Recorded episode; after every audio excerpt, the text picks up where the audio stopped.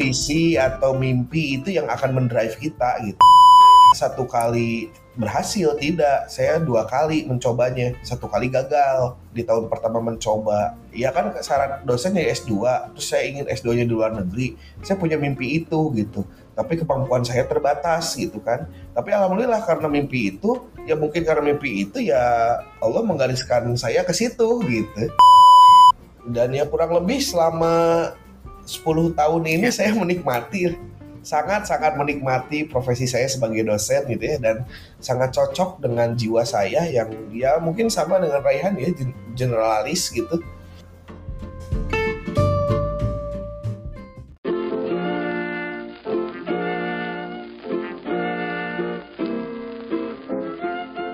Di antara banyak peran yang orang miliki, kamu perlu tahu salah satunya. Cari tahu bareng di Pengen Tahu Podcast. Halo hai, Reha lagi nih, host yang kamu kenal. Kembali mengajak kamu mencari tahu. Ya, halo teman-teman. Kali ini aku sedang bersama uh, orang yang ada di masa uh, bertumbuh lah, masa bertumbuh, masa belajar gitu. Dan di sini kayak menemukan apa ya? Menemukan pembelajaran-pembelajaran aja sih yang, yang kenapa bikin podcast ini dan gimana gitu.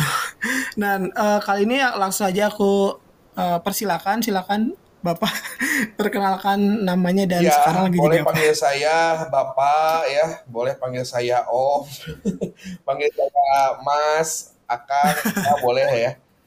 Um, ya perkenalkan nama saya Arif Budiman ya, saya sehari-hari bekerja sebagai dosen di Prodi Kewirausahaan UPI Kampus Tasikmalaya ya, yang dulu tempat Raihan nih yang bosnya podcast nih. Ya.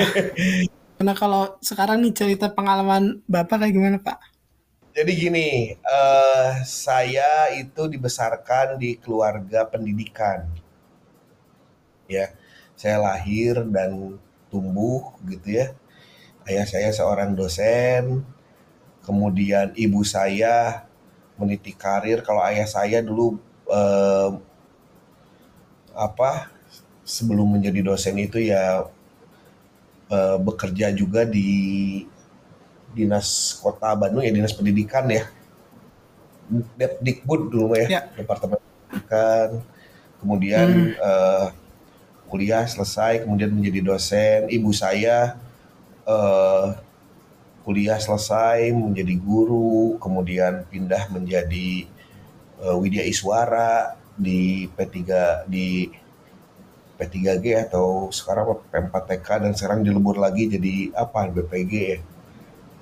Nah kemudian hmm. uh, setelah itu ibu saya pun pindah lagi jadi dosen gitu ya. Guru Widya Suara kemudian dosen. Uh, ya. ya dan kami bersaudara itu tumbuh di keluarga itu gitu tidak semua sih ya. Jadi ada yang memang uh, berwirausaha misalnya ya uh, adik-adik ibu saya atau kakak-kakak adik ibu saya ada yang bekerja gitu ya. Jadi beda-beda gitu ya. Nggak semuanya dari pendidikan. Nah kebetulan keluarga saya yang bagian pendidikannya. Uh, pada hmm. akhirnya kakak saya pun uh, menjalani dua profesi ya satu arsitek dan juga dosen dan juga pengusaha gitu ya.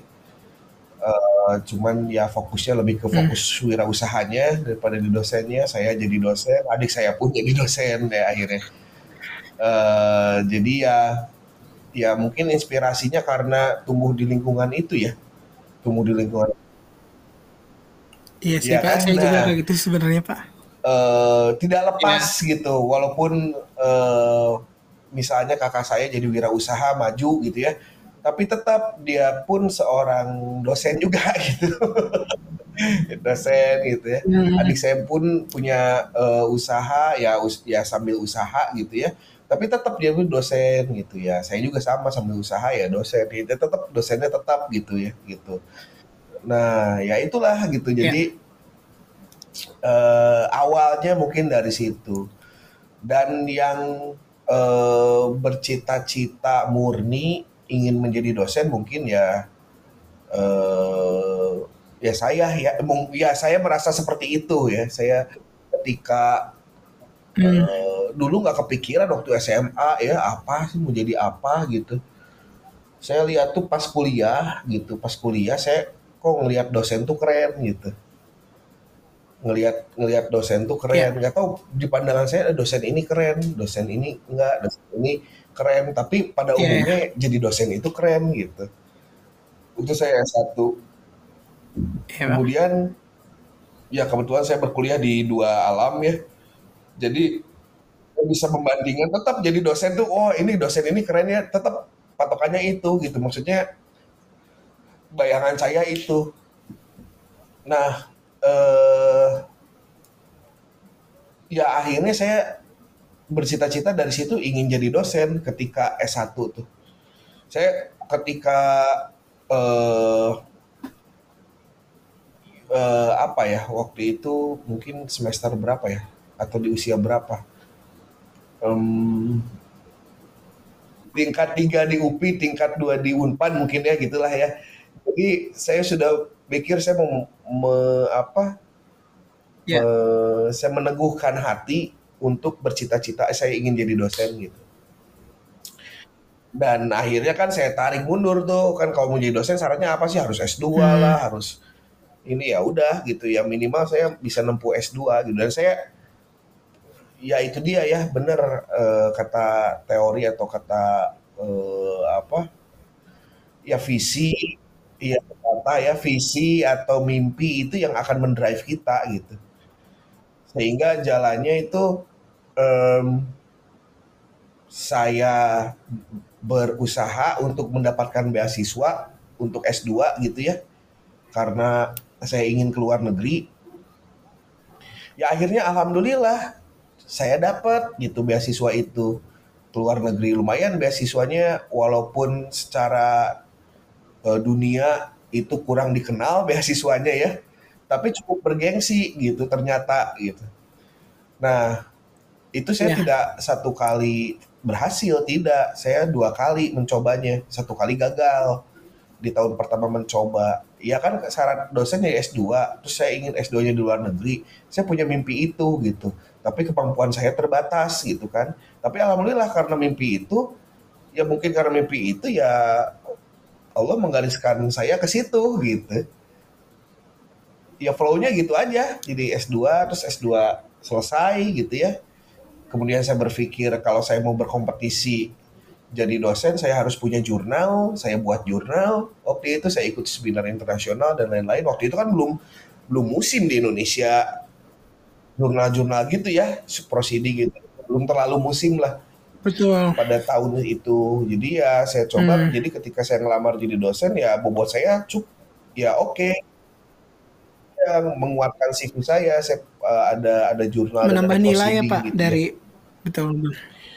Ya, dan ya kurang lebih selama 10 tahun ini ya. saya menikmati sangat-sangat menikmati profesi saya sebagai dosen gitu ya dan sangat cocok dengan jiwa saya yang ya mungkin sama dengan Raihan ya generalis gitu. Jadi uh, jadi sangat enjoy gitu, sangat enjoy. Ya, ya walaupun kalau pengen kaya ya ya itu jadi pengusaha sih ya. Jadi entrepreneur sih memang betul gitu ya. Tapi entrepreneur itu kan ada di jiwa kita ya nah dengan jiwa entrepreneur itu kita bekerja itu akan menghasilkan yeah. uh, hasil yang lebih gitu hasil yang ekstra kayak gitu Oke. Uh, berarti itu memang dari awal mulai dari lingkungan keluarga ya Pak. Soalnya Ren juga ibu uh, guru, bapak guru, terus kakak guru, ada yang jadi dosen juga. Jadi lingkungannya sih udah terbiasa itu kayak kakek juga eh nenek nenek juga guru gitu. Jadi kayak lingkungan tuh udah kasih gambaran buat kitanya. Nah, sebelum lanjut lagi cerita soal tentang dosen, di setiap episode Pengen Tahu Podcastnya ada sesi promosi, Pak. Jadi kalau misalkan dari setiap bintang tamu nih kayak misalkan punya karya atau punya produk atau punya proyek boleh dipromosikan Pak. Barangkali dari Bapak ada yang mau dipromosikan ke pendengar Pak. Ya berkuliahlah di Prodi Kewirausahaan UPI Kampus Tasikmalaya ya. Karena di situlah teman-teman akan menemukan jati diri uh, apa di dalamnya melewati proses-proses yang uh, proses perkuliahan yang asik ya. Uh, seru dan menyenangkan.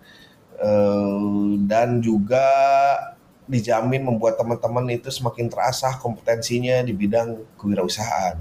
Oke, itu aja. Ya, terima kasih. Dan sebagai ada alumni himpunan... promo juga dong, sebagai alma mater. Oh iya, saya juga uh, sebagai kebetulan angkatan pertamanya di situ juga oh. ada himpunannya namanya Aset. Dan Aset juga mengeluarkan eh, program-program yang sesuai juga sih sama dengan uh, jiwa-jiwa kerusahaan gitu. Nanti ya kadang-kadang ada semacam pameran ataupun ada acara uh, penampilan seni gitu. Itu bisa ikut-ikut kompetisi. Ikut-ikut kompetisi PHP 2D waktu itu kalau Ryan sendiri dapat kesempatannya PMW sekarang iya. P2 eh sekarang apa sih Pak namanya PWM ya? P, P2M ya. apa ya? Itulah. Ya itu PMW terus juga uh, waktu itu apa lupa ya ada soal isu-isu uh, apa namanya? isu lingkungan. Nah, kemarin kebetulan waktu tes di substantif di PPG juga ada tuh ya yang analisis apa namanya? Pestel. Ah, pestel itu. Oh, pestel. ya, pestel. Pestel itu ingat waktu waktu Bapak sampaikan oh ya kayak gitu. Terus juga MSIB juga waktu itu sempat ikut juga gitu. Jadi ada banyak hal yang bisa didapat di sana kayak gitu sih. Jadi marilah bergabung bersama kami. Mari ya. Apalagi raihan angkatan pertama ini penuh perjuangan ya, tidak hanya mahasiswa juga dosen ya, prodi ini bersama-sama berjuang ya membangun yeah. sebuah entitas yang prestisius, yang keren kayak gimana ya hasilnya alhamdulillah kan ya kerjasama iya, kita yeah, sekarang ya oke okay, gitu. Dan kita sambil jalan sekarang meskipun uh, kami-kami yang udah lulus gitu tapi tetap masih mengawal kayak gitu.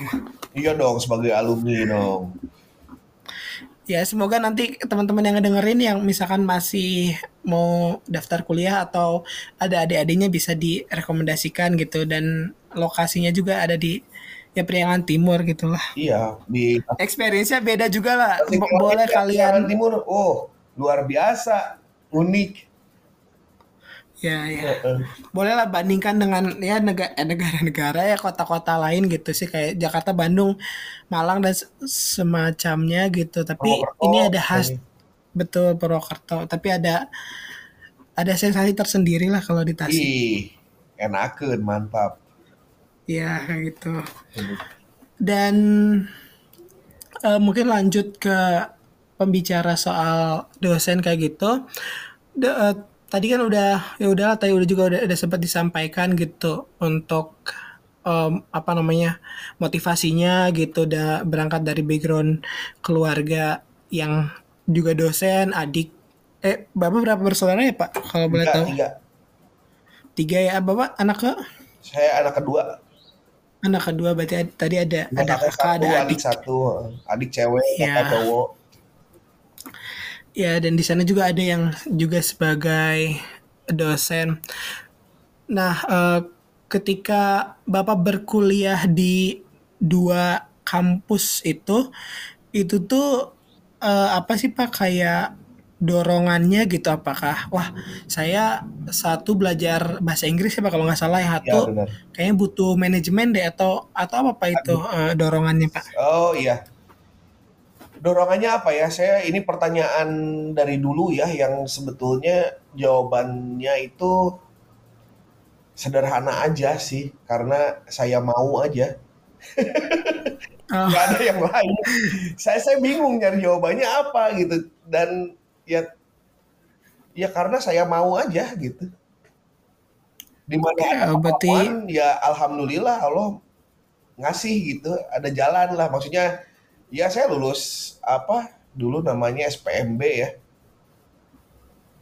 Iya, oh SPMB ya. Iya, lulus SPMB. Ya SBMPTN sekolah sekarang tuh ya? uh, SPMBTN. uh, eh, uh, SNBT. SNB SMB Bukan. eh apa ya? Zaman raya apa namanya? S S SBMPTN. SBM UTBK ada juga. uh, uh, iya, SNBT kalau nggak salah ya itulah. Iya, SNBT ya sekarang ya. Iya, eh, ya alhamdulillah itu eh, tinggal pilihannya gitu. Pilihan yang pertama waktu itu ya lulusnya di bahasa Inggris gitu ya di UPI. Kemudian saya ngukur yang kedua saya masuk manajemen Unpad kayaknya enggak maksudnya jauh lah kemampuan saya kayaknya gitu ya. Jadi saya Saat itu ya Pak. eh, saat itu jadi saya pilih lagi oh ternyata ada administrasi niaga dulu namanya. Bukan Hmm, administrasi administrasi niaga. Oh, oke nih kayaknya re- eh, apa eh, rankingnya nggak nggak Iya. terlalu inilah saya bisa Passing grade-nya mungkin passing ya. grade-nya gitu ya passing grade-nya Iya. masih mungkin saya masih bisa ngejangkaunya gitu ya alhamdulillah lulus juga gitu ya udahlah jalan asalnya saya mau ngedrop salah satu Oh, tadinya mau satu aja gitu Pak. satu aja karena nggak sedikit juga yang menyarankan udah kalau misalnya ini drop aja salah satu bahkan ada yang bilang ke saya ya yang ya eh ya orang tua orang tua lah ya maksudnya paman bibi gitu ya Betul. Hmm. ya bahkan yang bilang ke saya jangan bagaikan mengejar dua kelinci katanya Ah, ya. oh ulah ngarawu kusiku Hmm. saya mikir ya tapi enggak lah dalam hati teh ya saya mah iya iya aja di depan mah iya iya ya tapi saya mikir ah bisa pasti bisa insya Allah bisa. Hmm. ya asalnya saya udah ada ada ter, terpengaruh juga gitu ya. Wah iya drop aja gitu salah satu karena eh, waktu itu strateginya gini saya saya memang di semester itu di sini nggak ikut dulu. Maksudnya atau ngambil satu dua mata kuliah di sini full gitu ya. Ya gitu aja Ya. gitu. Ta- tapi saya mikir eh, saya mapping ya wah ini bisa nih kayaknya nih dua-duanya beres gitu Hmm. mapping pakai iya pakai Excel gitu ya mapping mata kuliah mapping timeline gitu wah bisa kayaknya dua-duanya beres gitu. ya udah saya coba jalanin aja sesuai yang saya rencanakan gitu ya alhamdulillah Ya. sesuai target Tepat. Selama ada visi yang di depan disampaikan tadi ya, Pak. ya bener itu ya kayaknya ya bukan kayaknya ya mungkin ya itulah kalau menurut saya yang ngedrive saya eh ya yang ngedrive atau yang mengarahkan tindak tanduk saya gitu ya menjalani hidup gitu pada saat itu ya mungkin cita-cita saya menjadi dosen itu ya mungkin ya Iya. Iya. Ya Apa pun juga bisa diupayakan ya, Pak. bisa bisa bisa diupayakan bisa di selama kita mau kuncinya ya selama kita Betul. mau gitu keyeng terus ya keyeng tuh artinya eh, motivasinya kuat gitu ya tiba-tiba saya mapping mata kuliah di sini mapping mata kuliah di sana digabungkan saya atur jadwal saya bikin strategi ini gimana cara eh, ngejalanin ya kan beberapa kali uas tuh bentrok gitu. Hmm. tapi ya sama saya bisa kejar gitu. Maksudnya di hari itu ada yang harus eh, apa saya bolak-balik gitu ya. Ada juga yang harus eh, saya izin. Mohon maaf saya nggak bisa uas gitu. Jadi ikut uas susulan gitu. Iya. kayak gitu. Ya iya iya ya betul lah ya kalau saya coba ingat-ingat lagi ya alhamdulillah terjalani semuanya gitu ya hasilnya pun cukup lah. Iya. Yeah. Kalau kondisi saat itu unpadnya yang di Jatinangor atau Jatinangor. yang di DU? Oh wow, lumayan itu ya Pak bolak baliknya. Lumayan naik motor. Iya ya. Rumah saya di tengah-tengah dan... di Cicahem. Hmm. Jadi yeah. ya, cukup lah. Ya alhamdulillah. Iya dan tadi kan ada pertimbangan pertimbangan lah soal berarti kan ada pengorbanan tenaga. Mm -hmm. Apalagi kalau misalkan tadi kayak jangan jangan mengejar dua kelinci atau ulah ngarau ke siko gitu pengorbanan tenaga, pengorbanan waktu juga. Yeah. Mungkin orang-orang tua juga kan pada saat itu apalagi kayak mem mempertimbangkan gitulah. Tapi kan kalau misalnya kitanya ada keinginan dan kita ya kayak bapak gitu bisa bertanggung jawab ya ya pasti bisa gitu ya pak. Iya dan ya itulah eh, tadi ya benar kata Rayhan ya karena karena visi tadi ya untuk biaya kuliah juga saya cari saya ikut beasiswa di UPI ikut saya di Unpad saya yeah. ikut di UPI itu saya dapatnya beasiswa apa namanya dulu tuh uh, uh, uh, BBM gitu kalau nggak salah ya. Terus kalau di di di UPI itu eh di Unpad tuh PPA apa ya lupa ya PPA gitu.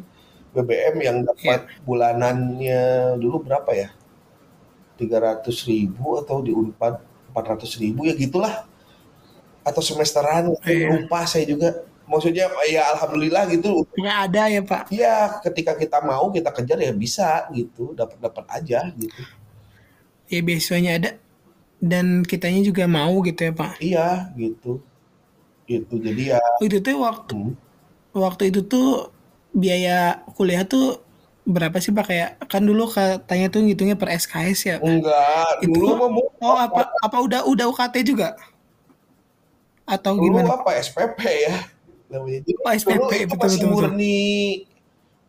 Itu dua-duanya belum BHMN atau belum PTNBH ya jadi masih ya. murni negeri gitu hmm. jadinya ya sesemester uh, di UPI tuh 525 ya. Ya. Dan di Unpad tuh 550 apa 600 gitu. Apa 575 gitu. Di angka-angka itulah. Ya, ya. Jadi masih karena masih full negeri dulu ya, maksudnya tidak ada uh, istilah kayak BH, PTNBH atau BL, BLU apa ya? BLU ya? Nggak tahu lah. Pokoknya dulu mah negeri aja.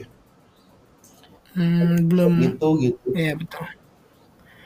Uh, sebelum apa ya cerita lagi nih berbicara soal tadi uh. kan sempat cerita keluar apa kuliah ke luar negeri. Oh iya. Nah boleh disampaikan dulu nggak apa kayak dosen tuh sebenarnya kayak tugas pokoknya tuh apa sih? Kayak apa apa aja yang yang mesti dilakukan oleh seorang dosen? Karena kan kita sebagai mahasiswa atau sebagai awam melihat oh dosen ngajar gitu. Dan mungkin kayak nilai ngasih nilai. Nah sebenarnya tuh tugas dari dosen tuh apa sih sebenarnya? Oh gitu. Oke yang pertama luar negeri dulu ya. Oh boleh pak. Uh, uh, jadi syarat sampai sekarang nih syarat jadi dosen itu minimal S2 kan ya dan waktu itu karena saya ingin punya S2 yang maksudnya saya ingin S2 di luar negeri supaya pikiran saya kalau misalnya bersaing di nantinya bersaing di sini untuk jadi dosen itu akan lebih dipertimbangkan gitu. Lulusan luar negeri. Ya akhirnya saya ya. daftar beasiswa. Ada namanya Asia Europe Institute ya. Asia ya. Europe Institute itu tuh kerjasama antara ASEAN dengan uh, eh, EU European Union gitu. Nah, um, nah kalau kerjasama ASEAN dan European Union itu di Singapura mah dia bikin ASEF ya, As, As, uh, Asia Europe uh, Foundation.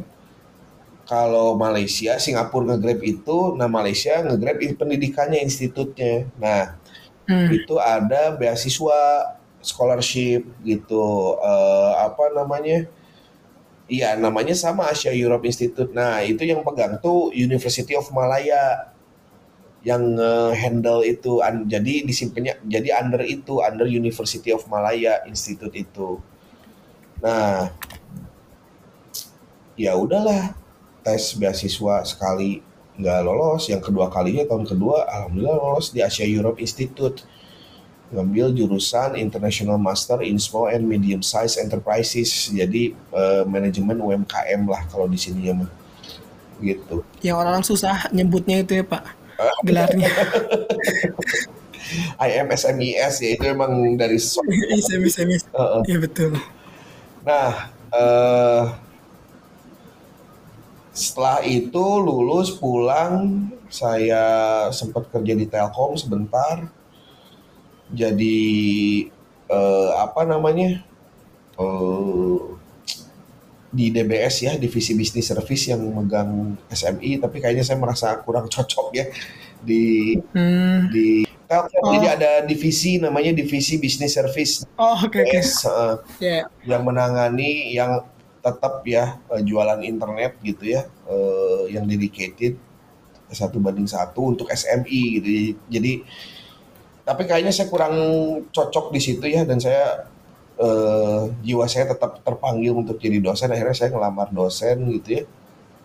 Uh, ngelamar dosen ke UPI dan saya bukan menyadari ya dan di situ saya belajar tugas jadi dosen itu apa gitu ya awal-awal masuk. Saya dulu di prodi manajemen ya di UPI di FPB gitu ya sebelum saya membangun prodi kewirausahaan. Ditugaskan sorry ditugaskan membangun prodi kewirausahaan.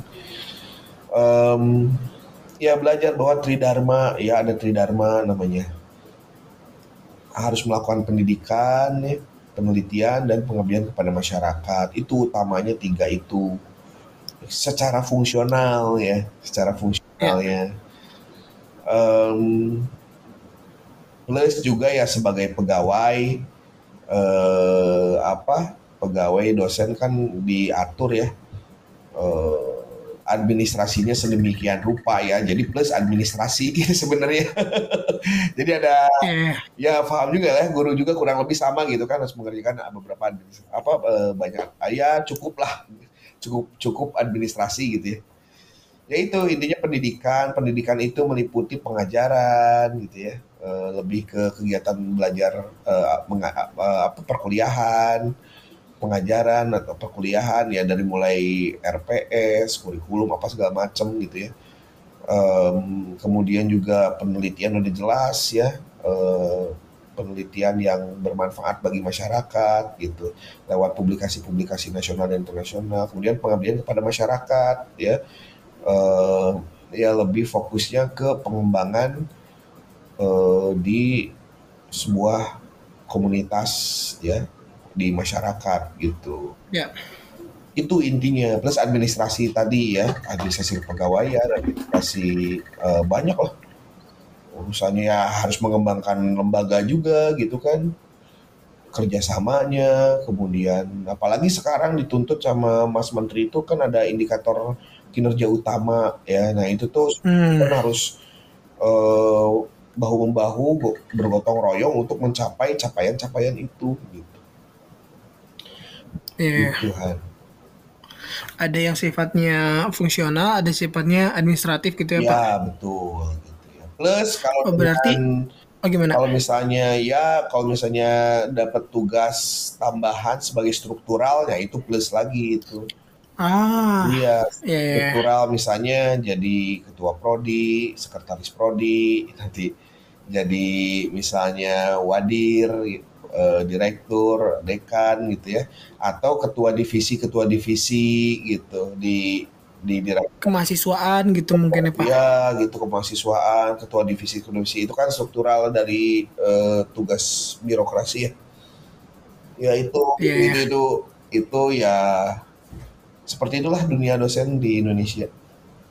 Uh, jadi ya utamanya itu tridharma tridharma perguruan tinggi ya, oh, Dari segi pengajaran ya yang yang mungkin udah biasalah di ditemui oleh mahasiswanya yang ngajar gitu. Di belakang mahasiswanya tadi ada RPP RPP bukan sih Pak kalau di kuliah? Atau di dosen? RPS, atau, RPS. oh RPS apa itu RPS rencana, rencana? uh, pembelajaran uh, rencana studi. Iya, studi S-nya studi. Rencana uh, kalau Pembelajaran kalau di itu apa RPP ya? Rencana pembelajaran? RPP kalau di guru rencana rencana pembelajaran apa ya? Pelajaran.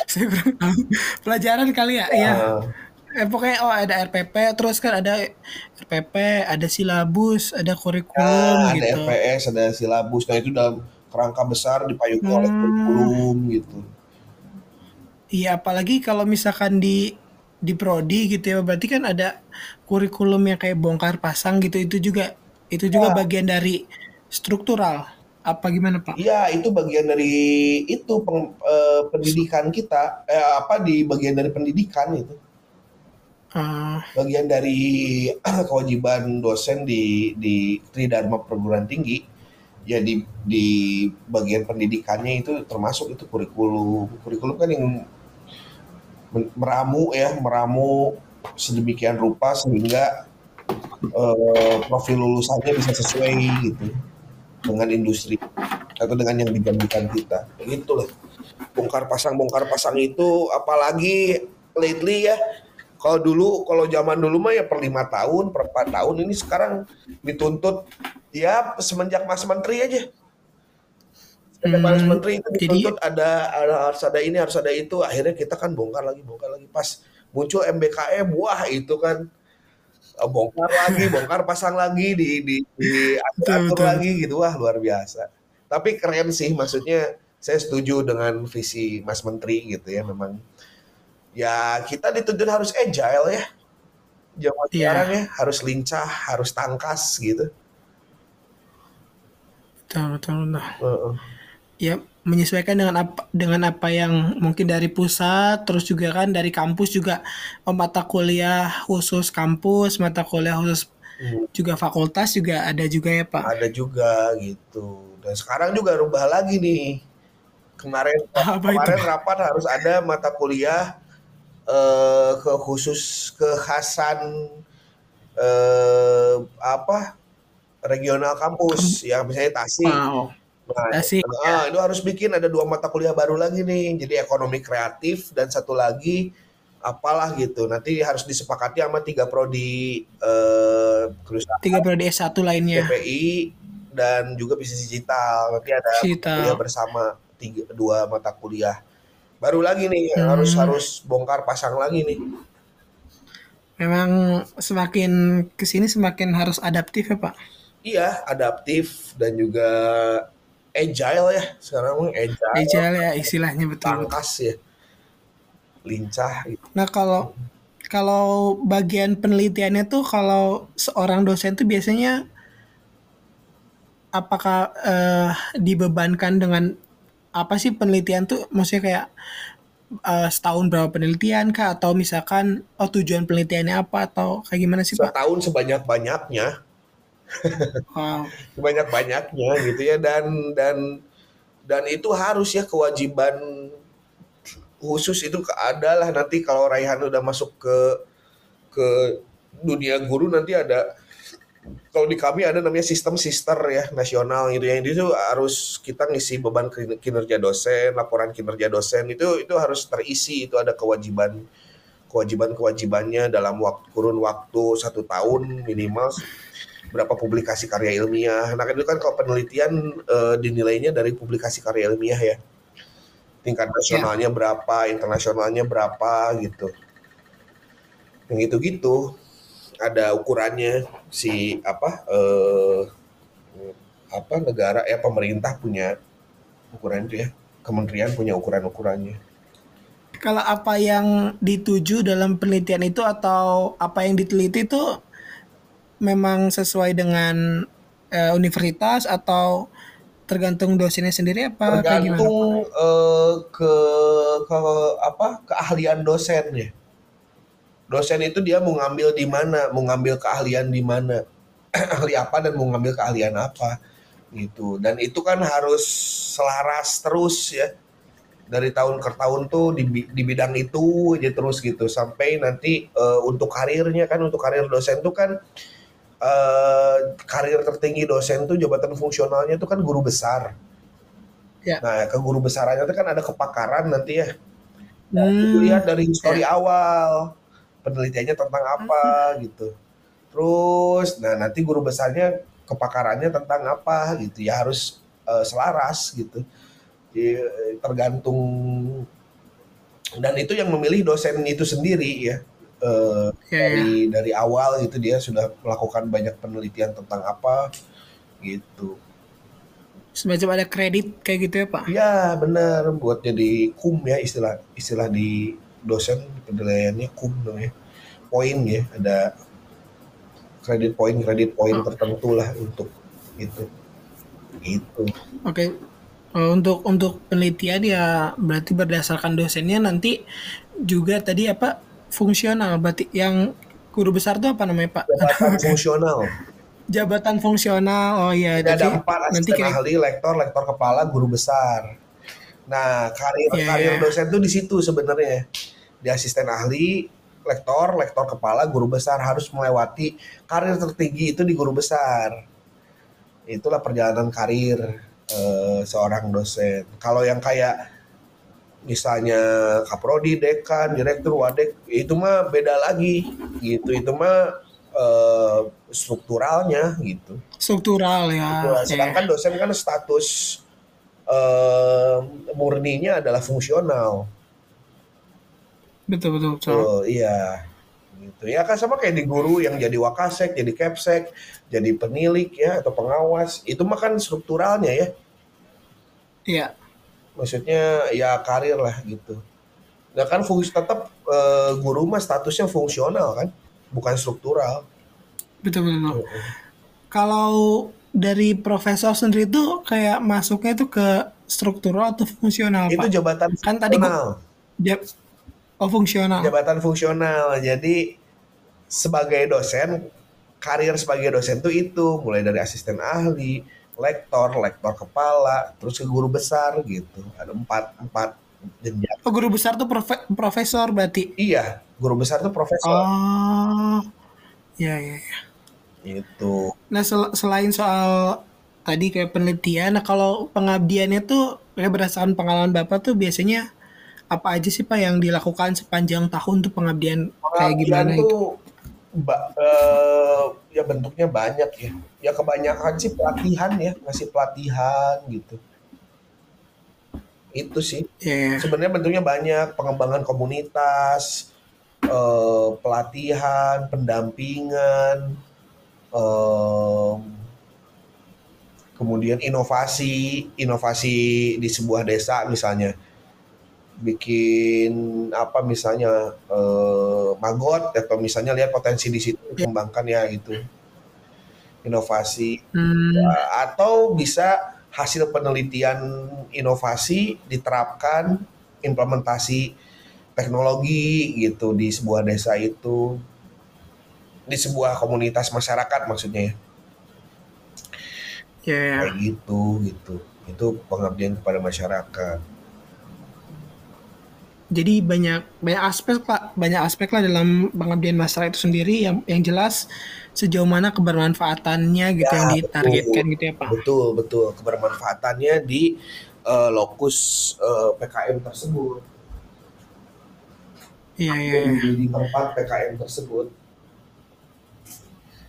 Gitu loh. Pak, ya. Kan kalau misal kalau misalkan guru tuh kayak tadi kan kayak uh, ada di dalam tadi tridana perguruan tinggi kan ada pendidikan, terus juga penelitian sama pengabdian. Nah, hmm.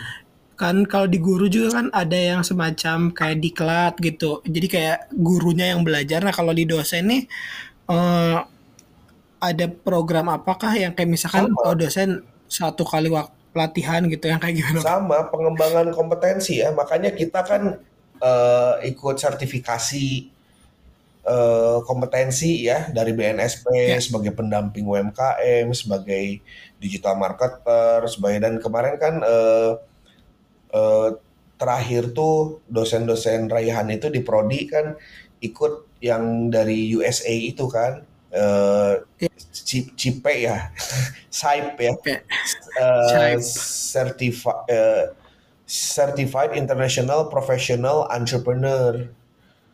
Oh. Itu, jadi semuanya okay. itu itu sertifikasi bergelar ya, bergelar. Yeah. Jadi kompetensi bergelar gitu jadi CIPE semuanya gitu nah itu sama kayak gitu Iya. Yeah. Itu pun dinilai menjadi peserta seminar, peserta eh, narasumber. Jadi itu pun dinilai itu masuknya ke penunjang ya. Kalau di penilaian dosen tuh. Oh, berarti tadi uh, dari segi apa namanya? pengabdian juga banyak, terus juga dosennya juga belajar lagi gitu. Di luar memang ada tuntutan untuk S3 kan? Iya betul. Tapi di luar itu juga karir ya.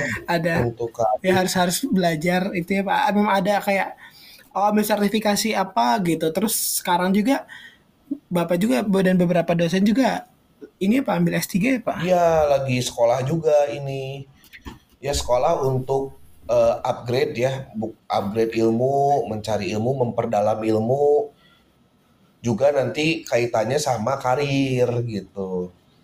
Gitu karir yang tadi hmm. loh, yang yang karir fungsional ya, jabatan fungsional. Ada asisten ahli, lektor, lektor kepala, guru besar atau profesor gitu. Nah, eh, ya itu ya sekolah itu menunjang ke situ juga gitu selain uh, selain memperdalam ilmu ya gitu. Oke, berarti ya kurang lebih apa yang dikerjakan sama dosen atau dunia dosen kira-kira seperti itulah teman-teman. Nah, uh, kalau Bapak kan tadi cerita udah 10 tahun gitu jadi dosen, pasti kan ketemu dengan eh, mungkin ratusan atau bahkan ribuan orang gitu. Set, apa ketika Bapak menjalani ini nih selama 10 tahun apa sih kayak semacam tantangan yang ditemuin gitu Pak kayak selama 10 tahun ini? Tantangan apa ya? Tantangan dalam profesi ya? Iya. Ya itu me... mungkin di kelas apa kayak gitu. Oh. ya. Oh, yang kayak gitu ya. Iya karena apa ya? Awal-awal memang saya masih belajar ya. Maksudnya dulu ingat waktu pertama kali ngajar gitu. Ya karena saya mungkin apa ya or ya bentukannya kayak gini jadi nggak kaku gitu kan supel hmm. ya jadi ya flownya ngalir aja di kelas mah gitu ya saya bikin nyaman aja saya bikin enak makin ke sini makin enjoy kalau di kelas gitu ya uh, ya tantangan kayak gitu bukan? Iya iya ya. jadi kan tantangan yang gimana ya tantangannya utamanya di dosen mah ya itu uh, karir itu kan harus uh, harus diraih ya bagi ya. seorang dosen mah karir tertingginya guru besar ya semua dosen juga seluruh dunia karirnya ke situ gitu guru besar ya challenge-nya ya untuk melakukan penelitian pengabdian dan pendidikan itu ya Iya cukup. Ya enjoy aja lah ya. Dengan dinamika yang ada ya di harus dijalani gitu. Ya bukan dijalani ditempuh yeah. ditempuh gitu. Ya gitu tantangannya yeah. ya. Jadi untuk dosen mah tantangan utamanya itu. Karena kan gini kalau dalam sebuah kita sudah memilih jalan ya apa pun itu kita harus lihat yang tertingginya tuh apa sih gitu Hmm. Nah, ingat ada pekerjaan, ada karir, beda itu. Gimana tuh? Ya, kalau pekerjaan mah selalu ada, apa pun profesinya, mau guru, dosen, project manager, entrepreneur, entrepreneur pun ada karirnya. Gitu. Betul. Gitu, karir tertingginya ya dia uh, scale up usahanya sementok apa di bidang itu gitu. Bisa bisa sampai hmm. segimana gitu kan. Nah, ada pekerjaan, ada karir itu. Kalau kalau pekerjaan ya rutinitas saja biasa gitu ya. Dia bekerja, pulang, bekerja, pulang gitu ya. Kerjakan saja apa yang ditugaskan. Ya, betul betul. Tapi kan ada karir di situ gitu. Yang memang harus dikejar di profesi apa pun gitu. Harus ditempuh gitu. Nah, lihatlah karir tertinggi apa, coba menempuh itu gitu.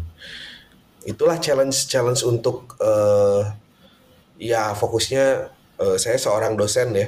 Ya itulah challenge buat saya. Sebagai seorang dosen ya saya harus ya sa saya ingin mencapai karir tertinggi saya gitu suatu saat nanti. Dan itu kan perlu perencanaan dari dari jauh-jauh hari ya. Tarik mundur misalnya untuk mencapai guru besar tuh harus apa sih yang dilakukan gitu ya. Tarik mundur timelinenya gitu. Nah sekarang posisi saya sekarang saya di mana gitu. Nah ini apa yang harus yeah. ditempuh nih misalnya contoh salah satunya saya uh, memperdalam ilmu gitu ya dengan ikut ikut S3 apa uh, S3 lagi gitu ya, ngambil sekolah S3 lagi, kemudian nanti juga mungkin harus post doktoral gitu ya hmm. dan lain-lainnya itu challenge gitu. Yeah. Sebenarnya uh, challenge yang terbesar adalah diri kita sendiri. Hmm. Ya, diri kita sendiri challenge yang terbesar tuh gitu. Kita bisa nggak? Kalau dalam agama mah kan musuh terbesar adalah hawa nafsu ya. Betul betul. Ya, ya itu kita harus bisa mengalahkan itu dan pakai strategi tentunya. Ya, yeah, sesuai dengan apa yang tadi waktu bapak kuliah juga oh di, di ditarik mundur dulu oh kira-kira oh kira-kira rencana ke depannya mau kayak gimana gitu. Iya. Juga di dosen juga berstrategi seperti itu ya pak. Iya. Iya betul yeah. sama. Dan saya saya rasa di setiap profesi ya, di setiap profesi dan di setiap uh, bidang itu Iya, idealnya seperti itu ya. Ya. Mm -mm. Dan, dan, kan, dan, dan ini loh ada dan tidak berpikir ya itu untuk untuk profesi dosennya ya. Tapi kesempatan lain misalnya untuk menjadi pejabat struktural misalnya gitu kan ya. jadi rektornya jadi dekannya jadi dekannya jadi rektornya atau bahkan kan tidak sedikit yang awal karirnya dari jadi guru itu jadi wali kota gitu itu jadi uh, wakil wali kota jadi bupati misalnya jadi yeah. wakil bupati jadi DPR DPRD DPD DPR RI gitu ya. Jadi nah itu jadi kita tuh melihat dunia tuh yang mending luas aja sekalian gitu. Hmm. ini mending luas gitu. Nah kalau khusus di guru nih misalnya ya guru itu karir tertinggi guru itu apa? Secara fungsionalnya apa? Kemudian ke kemungkinan secara strukturalnya bagaimana gitu. Uh, kemudian kemungkinan kemungkinan lain ya gitu cita-cita saya itu ya kalau ngomongin cita-cita secara umum gitu ya dan saya di di di karir saya waduh ingin jadi duta besar gitu yang mau representasikan Indonesia di negara lain gitu ya, uh, hmm, yeah. Indonesia di negara lain gitu. Udah kebayang barangkali Pak uh, negaranya atau ya negaranya negara mana gitu kebayang Negaranya ya seperti apa gitu lah. Negara, negara apa? yang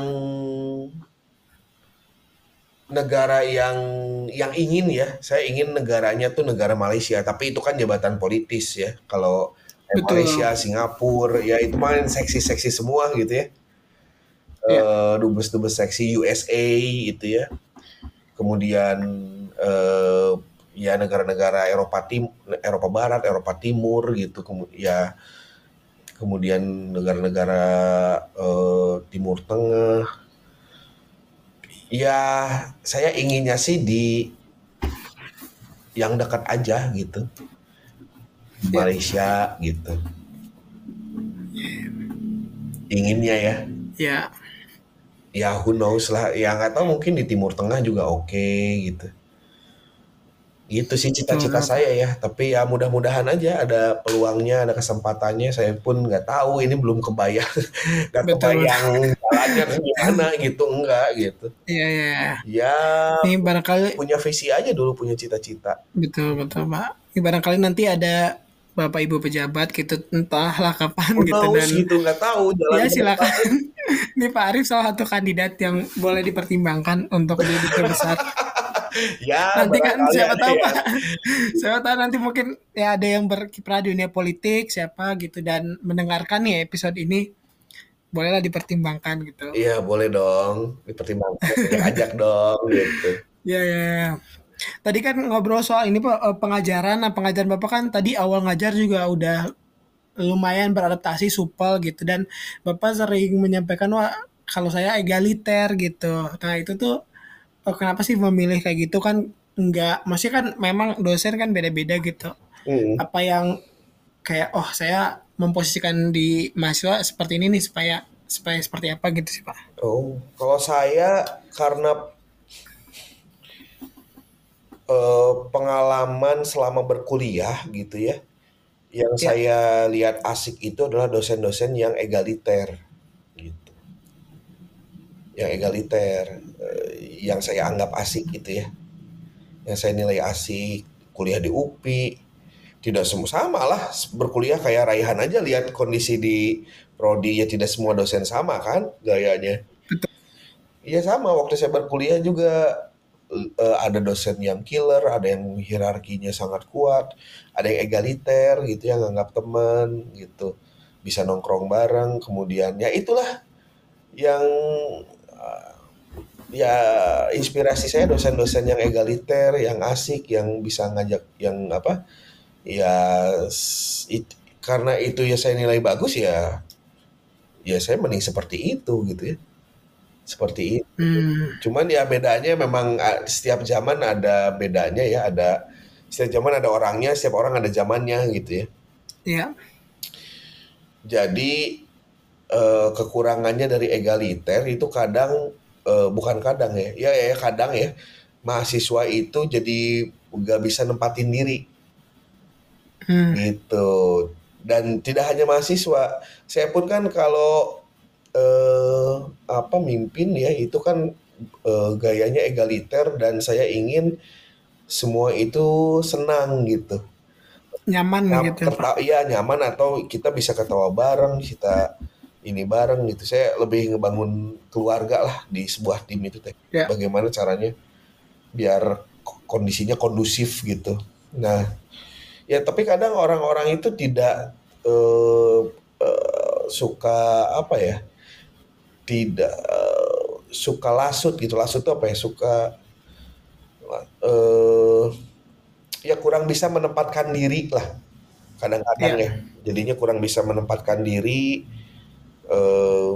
dan lupa bahwa misalnya ya tetap kita kan budaya Asia ya kita kan Betul. budaya Asia tetap ya mau di budaya dunia juga tetap yang tua itu harus lebih di apa kita harus respect sama yang uh, tua dan menghargai yang muda gitu kan gitu ya. Iya. Nah kayak gitu ya kadang di situ suka agak siwer karena saya mungkin terlalu egaliter ya terlalu terlalu easy going terlalu santai gitu ya. Nah iya di situ. Uh, kalau dulu saya tetap posisi saya misalnya uh, siapa ya dosennya itu egaliter atau kakak tingkat saya itu egaliter gitu ya. Itu ya tetap saya coba respect gitu. Saya saya respect saya e, kalau udah lebih batas atau gimana oh iya ya kan tetaplah kita budaya Asia hierarkinya kuat ya di, di lebih kuat. Betul betul betul kayak gitu gitu. E, ya tapi nggak apa-apa gitu ya. Maksudnya iya tetap aja gaya saya mah egaliter gitu. Karena itu yang saya nilai nilai bagus ya ketika saya bergaul dengan dosen-dosen dan dengan senior senior gitu. Ya jadi gitu. lebih lebih mudah mencair gitu ya pak?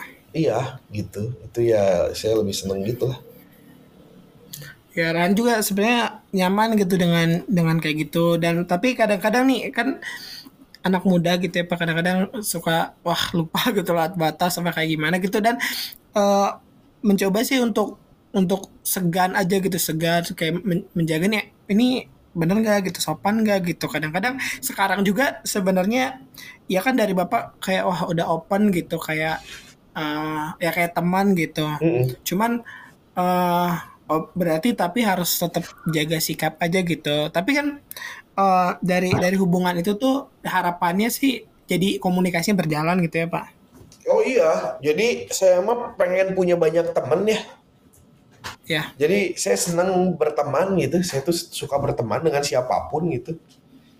Dengan anak kecil pun saya suka berteman gitu. Ya. ya jadi suka ya ya itu dengan berteman kan uh, kalau untuk sayanya saya jadi lebih nyaman gitu. Gitu. Yeah. jadi ya banyak teman mah lebih asik lah gitu. Oke jadi kenapa egaliter juga? Karena berempati ke masa lalu ketika jadi mahasiswa gitu. Ternyata nyaman gitu ya pak?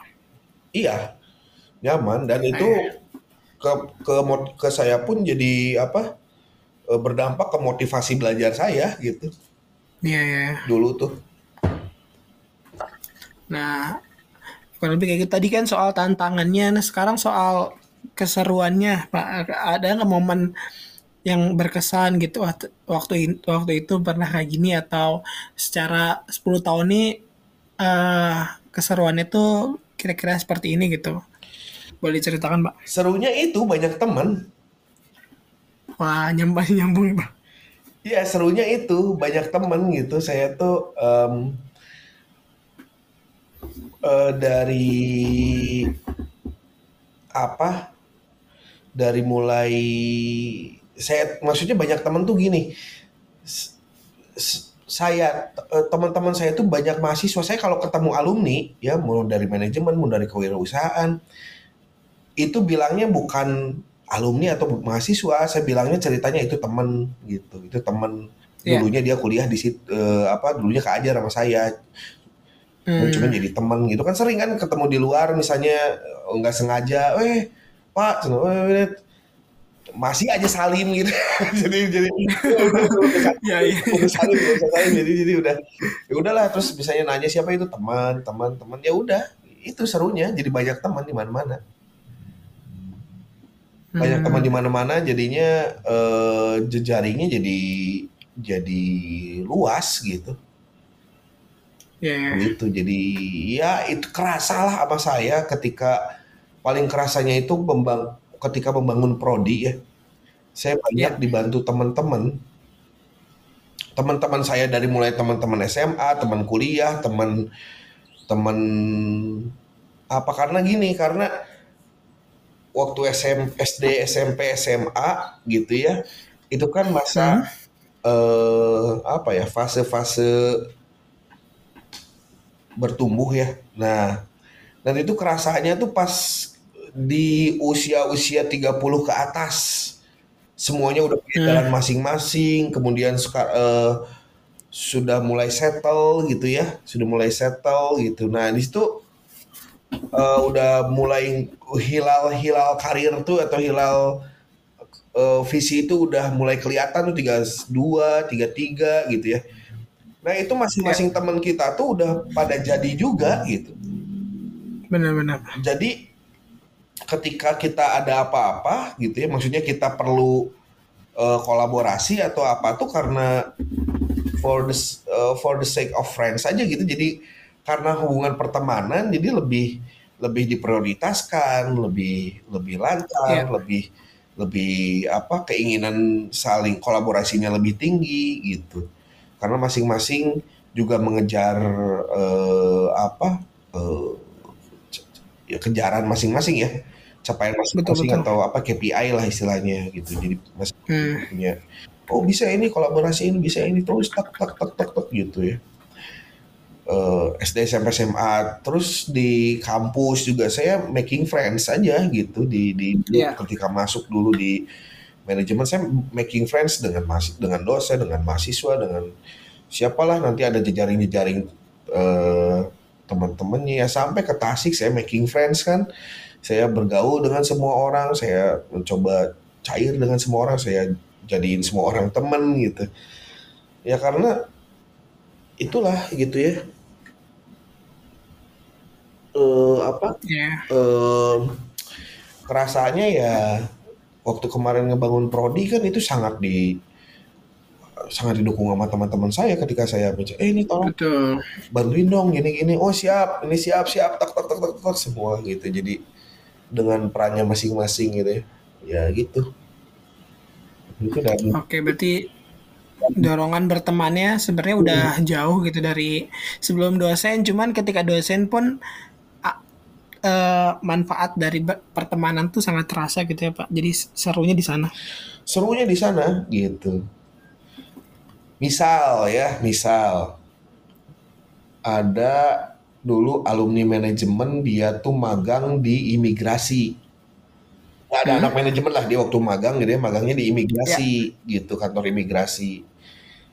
Em, kemudian dia sudah lulus sudah jadi alumni. Cuman saya coba kontak dia waktu saya perlu paspor perlu banget paspor waktu itu tahun 2019 apa kalau nggak salah. Oh, 2019. tuh, heeh. ini gimana cek siapa ya? Saya lihat, saya cari-cari kontak gitu. Eh, terus saya ingat ah, dulu asa ada yang ini, saya, saya coba kontak. Gitu. Maka, oh, duh, saya udah kerja di ini pak, jadi saya udah sambil S2 apa segala macam. Oh iya, bisa bantu saya nggak di imigrasi? Oh bisa pak, hubungi pak ini gitu. Datanglah saya hubungi pak itu ya bisa. Akhirnya kan bisa membantu saya untuk pengurusan paspor gitu ya. Eh, Ya. Ya, ya salah satunya ya ceritanya kayak gitu. Ada lagi eh, yang misalnya dia eh, apa namanya punya tour and travel gitu ya. Dia ternyata bisnis tour and travel. Saya nanya-nanya tentang oh tiket ini itinerary-nya gimana ya? Mau kalau pengen ke sini naik apa? Eh, budgetnya berapa dan segala macam. Banyak lah gitu. Itu untuk untuk untuk kepentingan pribadi ya untuk kepentingan kelembagaan itu beda lagi gitu ya kerasa lah sama Raihan waktu waktu Raihan selama berkuliah itu em, kami mendatangkan banyak orang gitu ya Betul, betul. banyak banyak tokoh gitu eh, ke kampus ya itu karena pertemanan istilahnya Ya, ya. itu Berarti kebermanfaatannya tuh kayak maksudnya dari pertemanan yang kita jalin hari ini tuh belum tentu kerasa hari ini gitu. Kayak mungkin di kemudian hari eh, kebaikannya atau kebermanfaatannya tuh balik entah teman-teman kita jadi apa gitu. Tapi dari kebaikan yang bisa kita bagi gitu nanti juga insya Allah akan kembali lagi gitu ya bang iya kira berteman mah ikhlas ikhlas aja lah. Jangan ada kepentingan. Saya suka saya suka ya ada lah beberapa yang berteman dengan saya tapi demi kepentingan gitu kan. Eh, maksudnya ya ada ya apalagi waktu ketika dulu ya jabat itu kan keli- kelihatan loh orang ini tapi ya ah saya mah ikhlas-ikhlas aja gitu. Dia punya kepentingan demi kepentingan apa ya? Ya silakan saja tapi eh ya saya sendiri gitu ya berteman mah ikhlas aja gitu. Ikhlas apa ada ya enjoy aja enjoy aja gitu. Eh ya kayak gitulah. Gitu. Ya mungkin eh, ini jadi dua udah pertanyaan terakhir. Eh, satu itu tadi kan udah cerita nih tentang ya pengalaman Bapak nih sebagai dosen gitu. Nah, bagi teman-teman yang sekiranya juga ada keinginan sebagai do- dosen, kenapa sih pekerjaan sebagai dosen ini layak dipertimbangkan gitu Pak? Atau ya minimalnya soal experience-nya lah Pak gitu. kenapa ya jadi dosen tuh em, saya pun nggak bisa ngejelasin ya kenapa saya pengen jadi dosen Ya, paling penjelasannya kayak tadi gitu karena terinspirasi oh kok dosen keren. Kemudian kan dibangun sama lingkungan gitu ya. Ya, yang eh, ini mah pengalaman saya aja ya. Jadi ya dosen Bang. itu menyenangkan. Pekerjaan yang menyenangkan gitu profesi yang menyenangkan bagi saya. Saya Hmm. sangat enjoy di dunia ini gitu ya dan saya merasa fit itu merasa cocok di profesi ini. Walaupun tantangannya kata orang mah ya kan eh, milih profesi mah jangan jadi do apa kalau jadi dosen eh, dosen dan dokter ya karena kerjaannya sekolah terus gitu. Ya, betul sekolah terus kan? Ya dokter betul. terus spesialis spesialis S1 S2 S3 apa aja sama kayak dosen. Terus harus ngembangin kompetensi ikut pelatihan ini itu harus sekolah terus gitu ya. Nah seumur umur eh, pekerjaannya harus sekolah tapi itulah gitu ya yang membuat tapi saya nyaman gitu. Nyaman Ya, enjoy gitu ya menyenangkan buat kehidupan saya gitu. Eh, saya bahagia menjalaninya gitu ya. Ya seru lah menyenangkan. Itu ya jadi dosen ya kayak gitu menurut pandangan saya gitu. Okay. karena Raihan nanya ke saya kan keseruan apa? Betul betul. Menjadi dosen. Ya orang betul. orang mungkin beda-beda. Ada beda-beda tidak sedikit loh yang sudah menjadi dosen dia ngam, mereka ngambil pensiun dini. Oh gitu ya pak? Iya demi berwirausaha. Hmm. tidak sedikit. Jadi banyak kan dosen terus sambil berwirausaha ya. Ternyata ya. uh, usahanya maju. Terus maju sampai kayaknya dosennya ini kan uh, apa maksudnya pensiun dini itu karena malu tidak bisa bertanggung jawab terhadap profesi. Hmm. Makanya malu tuh ya malu lah nggak jadi dosen tapi nggak aktif di kampus yang ngajar uh, enggak ke kampus enggak ikut terlibat di prodi enggak apa segala enggak gitu kan ya abis yeah. juga kadang-kadang atau bahkan enggak gitu. Akhirnya kan memutuskan uh, ini kapan nih saya bisa uh, kesempatan pensiun dini tercepat? Itu dia keluar karena dia fokusnya fokus di wirausaha. Tidak sedikit yang seperti itu. Yeah. tidak sedikit yang seperti itu. Jadi um, pada akhirnya akan menemukan jalan ya. Nantinya akan menemukan yeah. jalannya gitu setiap orang tuh. Gitu. Ada yang jadi dokter tapi dia kayaknya kurang cocok jadi dokter cocoknya jadi artis misalnya. Hmm. jadi apa podcaster jadi kayak dokter siapa itu? Dia buka klinik lah. Dokter Richard dokter Richard. Nah itu ya. kan. Gitu. Ada ya, ada yang dia sudah jadi dokter tapi dia fokusnya di bisnis uh, ini bisnis sepatu. sepatu atau fokus ya itu dokter itu. Dokter Tirta uh, uh, ada ini uh, teman saya dia dokter tapi nggak praktek. Dia senangnya bikin kue jadi bisnis kue. Iya sih. Ya, jadi akhirnya ada yang jadi udah jadi dokter gigi, akhirnya dia jadi stand up komedian gitu kan, nggak praktek gitu. Oh, Mamat, oh, Mamat Alkatiri. Kan maksudnya artinya banyak loh contoh-contoh yang akhirnya akan menemukan jalannya masing-masing gitu. Hmm, kata kuncinya menyenangkan tadi ya, cari yang menyenangkan gitu ya Pak. Cari yang menyenangkan, yang enjoy, yang di mana di tempat itu uh, orang-orang menghargai kita, kita pun menghargai apa bisa menghargai orang lain gitu. Ya. Yeah, yeah. Dan satu pertanyaan terakhir ini uh, mungkin lebih ke pesan sih. Pesan kan eh, uh, pengen tahu podcast kan didesain untuk teman-teman yang memang masih nyari tahu gitu apa yang mereka mau gitu pak. Nah kira-kira buat teman-teman ya Kerhan juga sih yang masih nyari tahu nih kira-kira berdasarkan ya experience Bapak gitu kira-kira ada pesan nggak gitu untuk teman-teman semua? Pesan buat teman-teman semua um, ini buat yang lagi mencari-cari pola ya nanti juga yang nyambung sama yang barusan ya. Ya. Jadi jangan ragu untuk uh, untuk memilih ya jangan ragu untuk memilih pilihan hidup gitu ya.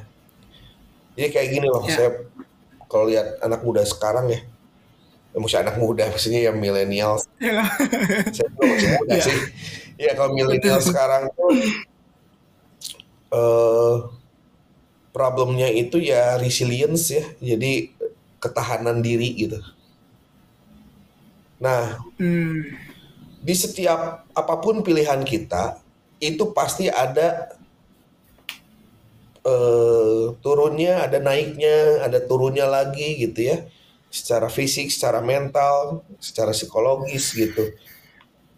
Nah, dengan berlindung di balik kata passion gitu ya.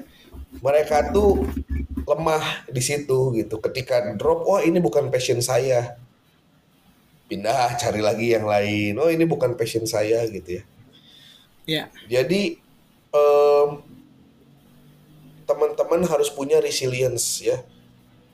Daya tahan atau ketahanan diri yang kuat gitu ya.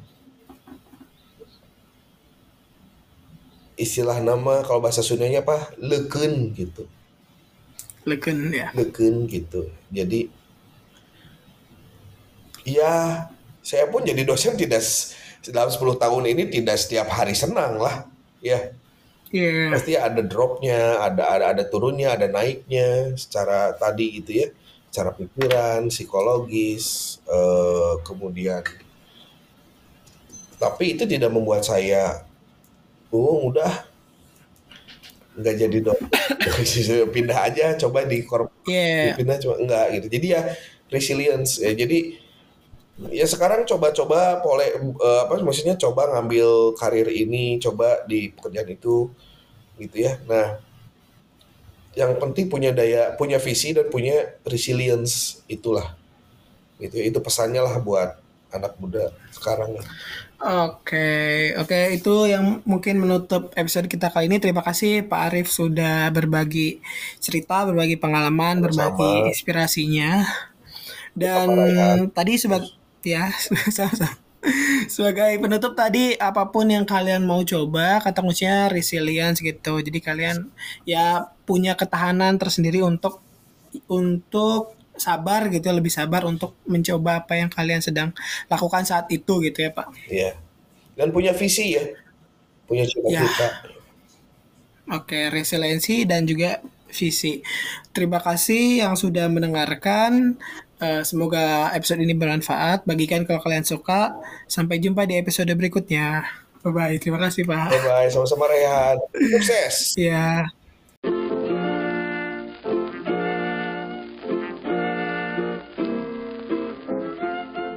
kasih juga buat teman-teman para pencari tahu.